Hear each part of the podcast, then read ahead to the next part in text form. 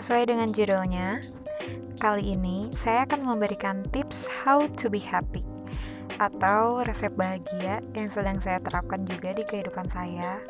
Karena terkadang saya juga masih struggling, tapi nggak ada salahnya untuk sharing tips tersebut sama kalian. Oke, kita mulai dari tips yang pertama, yaitu terima dirimu apa adanya. Nah, di sini sebenarnya ada hubungannya sama body positivity kalau untuk fisik udah pasti lah ya harus terima. Karena ya emang kayak gini terus mau gimana lagi gitu kan. Karena manusia kan gak pernah puas ya. Nah kalau kita ter terlalu fokus sama kekurangan kita jadinya kita nggak ngeliat kelebihan yang kita punya. Jadi kalau bisa segala macam kekurangan dan kelebihan yang kita punya di acknowledge dulu. Dan berteman dengan diri sendiri juga penting apresiasi apa yang udah kita lakuin untuk diri kita. Selanjutnya, tips yang kedua, take care of yourself. Itu penting sih. Ini juga yang lagi saya terapkan sama diri sendiri. Karena pasti kita kalau habis disibukin sama suatu hal, kayak misalnya sibuk kerja, jadinya kalau makan tuh sembarangan gitu kan. Ibaratnya yang penting kenyang gitu. Padahal sebenarnya kalau misalnya kita makan yang sehat gitu, makan sayur yang cukup, makan buah yang cukup, olahraga cukup, terus tidur juga cukup, otak itu jadi lebih peaceful gitu kan, pembawaan diri, mood juga jadi lebih enak ya gitulah pokoknya. Terus selanjutnya tips yang ketiga, perkaya diri dengan ilmu atau pengetahuan apa pun itu. Karena kalau misalnya kita terus memperkaya diri dengan ilmu pengetahuan, itu kita juga mengangkat derajat kita as a human being gitu loh. Jadinya, kalau ngobrol tuh lebih berbobot, ngebantu kita untuk lebih open-minded juga, ngebantu kita untuk building empathy juga, terus self-development kita itu jadi naik sih kalau kita makin berilmu. Selanjutnya ini yang paling penting banget, dan selalu diajarkan ke diri sendiri yaitu jangan banyak ekspektasi. Sebenarnya natural gitu sih kalau kita sebagai manusia ngerjain ini itu atau ketemu sama orang, punya hubungan sama orang, pasti kita punya ekspektasi. Nah, ekspektasi itu tuh kills gitu loh. Ketika kita tahu kalau ini nggak sesuai seperti apa yang kita pikirin atau nggak sama sama apa yang kita mau terus kita jadi kecewa. Seharusnya ya emang dari awal kayak ya udah gitu. Whatever happen happens. Yang penting dari sisi kita udah melakukan yang terbaik gitu sih. Terus tips selanjutnya practice gratitude think positive and be appreciative. Bersyukur itu penting banget karena orang tua kita pasti selalu ngajarin kan kalau hidup itu biasakan untuk ngelihat jangan ke atas terus, tapi ngelihat ke bawah juga. Terus jangan ke pressure sama media sosial.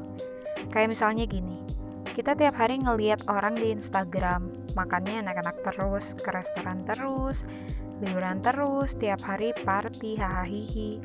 Sedangkan kita tiap hari makannya cuma nasi sama telur doang atau sama mie instan atau kita harus kerja tiap hari karena kalau enggak kita nggak bisa bayar cicilan misalnya. Nah kalau kita ngebiasain ngelihat ke bawah ada orang loh yang nggak makan ada orang loh yang masih pengangguran. Nah orang yang nggak makan ini atau orang yang masih pengangguran ini malah pingin banget berada di, di posisi kita gitu. Kalau kita gampang bersyukur kita gampang menghargai apa yang kita punya kita dikasih situasi yang kayak gimana juga ya senang aja gitu. Karena standar kita untuk menjadi happy itu tidak sulit gitu tidak tinggi. Terus ya gimana kan yang namanya sosmed ya orang selalu ngefilter lah. Ibaratnya foto aja mereka filter. Kehidupan pun mereka filter gitu. Jadi sebisa mungkin aware akan hal itu akan kenyataan itu dan jangan terlalu ngebaperin setiap kali kita lihat kehidupan anak-anak di sosmed yang selebgram kasih lihat atau teman-teman kasih lihat. Selanjutnya adalah let go of things you cannot control. Jadi ada beberapa manusia yang perfeksionis gitu kan, yang kita tuh senang mengkontrol orang, mengkontrol sesuatu, outcome harus kayak gimana. itu cuma akan nyiksa diri kalian aja sih. Selanjutnya, jangan takut akan perubahan dan mencoba hal yang baru. Walaupun sebenarnya penting banget sih, dalam hidup itu kita harus ada banyak pertimbangan, harus ada banyak kalkulasi. Kalau misalnya kita ngelakuin ini, terus konsekuensinya apa dan segala macam. Tapi kadang juga ada part di mana ya kita nggak akan tahu kalau kita nggak nyoba. Selanjutnya, find your purpose. Biasanya, kalau orang itu nggak punya tujuan dalam hidupnya dia, dia itu akan nggak bahagia. Terus nanti itu akan muncul penyakit hati.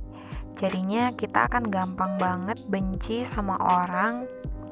Ya, jadinya pembawaan diri negatif terus. Nah, once kita udah tahu tujuan kita apa, kita tahu apa yang mau kita lakuin, bisa dibilang negativity dalam diri bisa perlahan-lahan hilang gitu kita jadi lebih bisa ngelihat positifnya dibanding negatifnya di orang atau di sesuatu. Makanya find purpose itu penting banget. Selanjutnya ini juga penting banget. Have your own definition of success and failure. Gak usah ke pressure sama standar sukses yang ada di society. Karena manusia itu ada banyak gitu kan tipenya. Kita nggak bisa maksain setiap manusia untuk sama. Cerita hidupnya beda terus sifatnya beda, terus capability otaknya juga beda. Jadi kita nggak bisa juga menyamaratakan standar sukses, terus standar gagal itu apa sih gitu. Jadi buatlah definisi sukses dan gagal versi kalian sendiri. Tips selanjutnya adalah do what you think is right for you, bukan karena orang lain.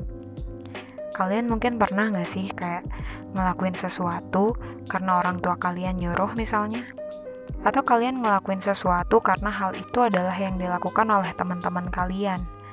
Atau kalian ngelakuin sesuatu karena ya itu lagi tren sekarang gitu. Kalau menurut saya, cara kalian supaya kalian bisa mendapatkan kebahagiaan dan kepuasan terhadap diri sendiri adalah dengan kalian tahu persis kenapa kalian melakukan hal tersebut. Intinya, jangan melakukan sesuatu untuk membuat orang lain terkesan tapi lakukan karena hal itu emang yang ingin kamu lakukan. Do it because it's for you only. Selanjutnya, depend on yourself dan me time itu penting. Jangan menggantungkan apa pun ke orang lain kecuali diri kita sendiri. Walaupun benar, manusia adalah makhluk sosial yang idealnya punya banyak sumber kebahagiaan. Tapi sebisa mungkin kita itu harus bisa bergantung sama diri kita sendiri karena ujung-ujungnya sebenarnya ketika orang-orang itu nggak ada yang bisa kita andelin cuma diri kita sendiri. Dan sebisa mungkin kita harus punya quality time sama diri kita sendiri karena itu bikin kita jadi nyaman sama diri kita sendiri juga. Next make peace with your past and let go. Saya pernah dengar kutipan dari interview salah satu Miss Universe ketika ditanya apa sesuatu hal yang Anda sesali? Dan jawaban dia adalah, saya nggak ngelakuin apa yang saya sesalin, karena semua hal yang saya lakukan di masa lalu itu yang membentuk diri saya yang sekarang.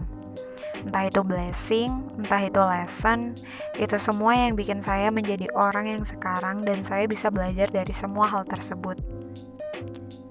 Ini terakhir, detach yourself from toxic relationship kalau kalian punya any toxic relationship, detach. Entah itu pertemanan, entah itu kalian punya pacar, entah itu siapa pun, kalau kalian ngerasa orang ini tuh menghambat kalian untuk develop, menghambat kalian untuk tumbuh, terlalu mempermainkan emosi kalian, bikin kalian tuh jadi negatif, gak usah takut untuk detach dari mereka, karena at the end of the day orang tuh datang silih berganti, Gak usah takut jadi kehilangan teman, gak usah takut jadi kehilangan sahabat atau apa pun, karena yang penting adalah inner peace kita sebenarnya. Kayaknya segitu aja tipsnya. Semoga bermanfaat dan semoga ada yang bisa kalian ambil dari podcast ini. Terima kasih sudah mendengar dan sampai bertemu di podcast selanjutnya.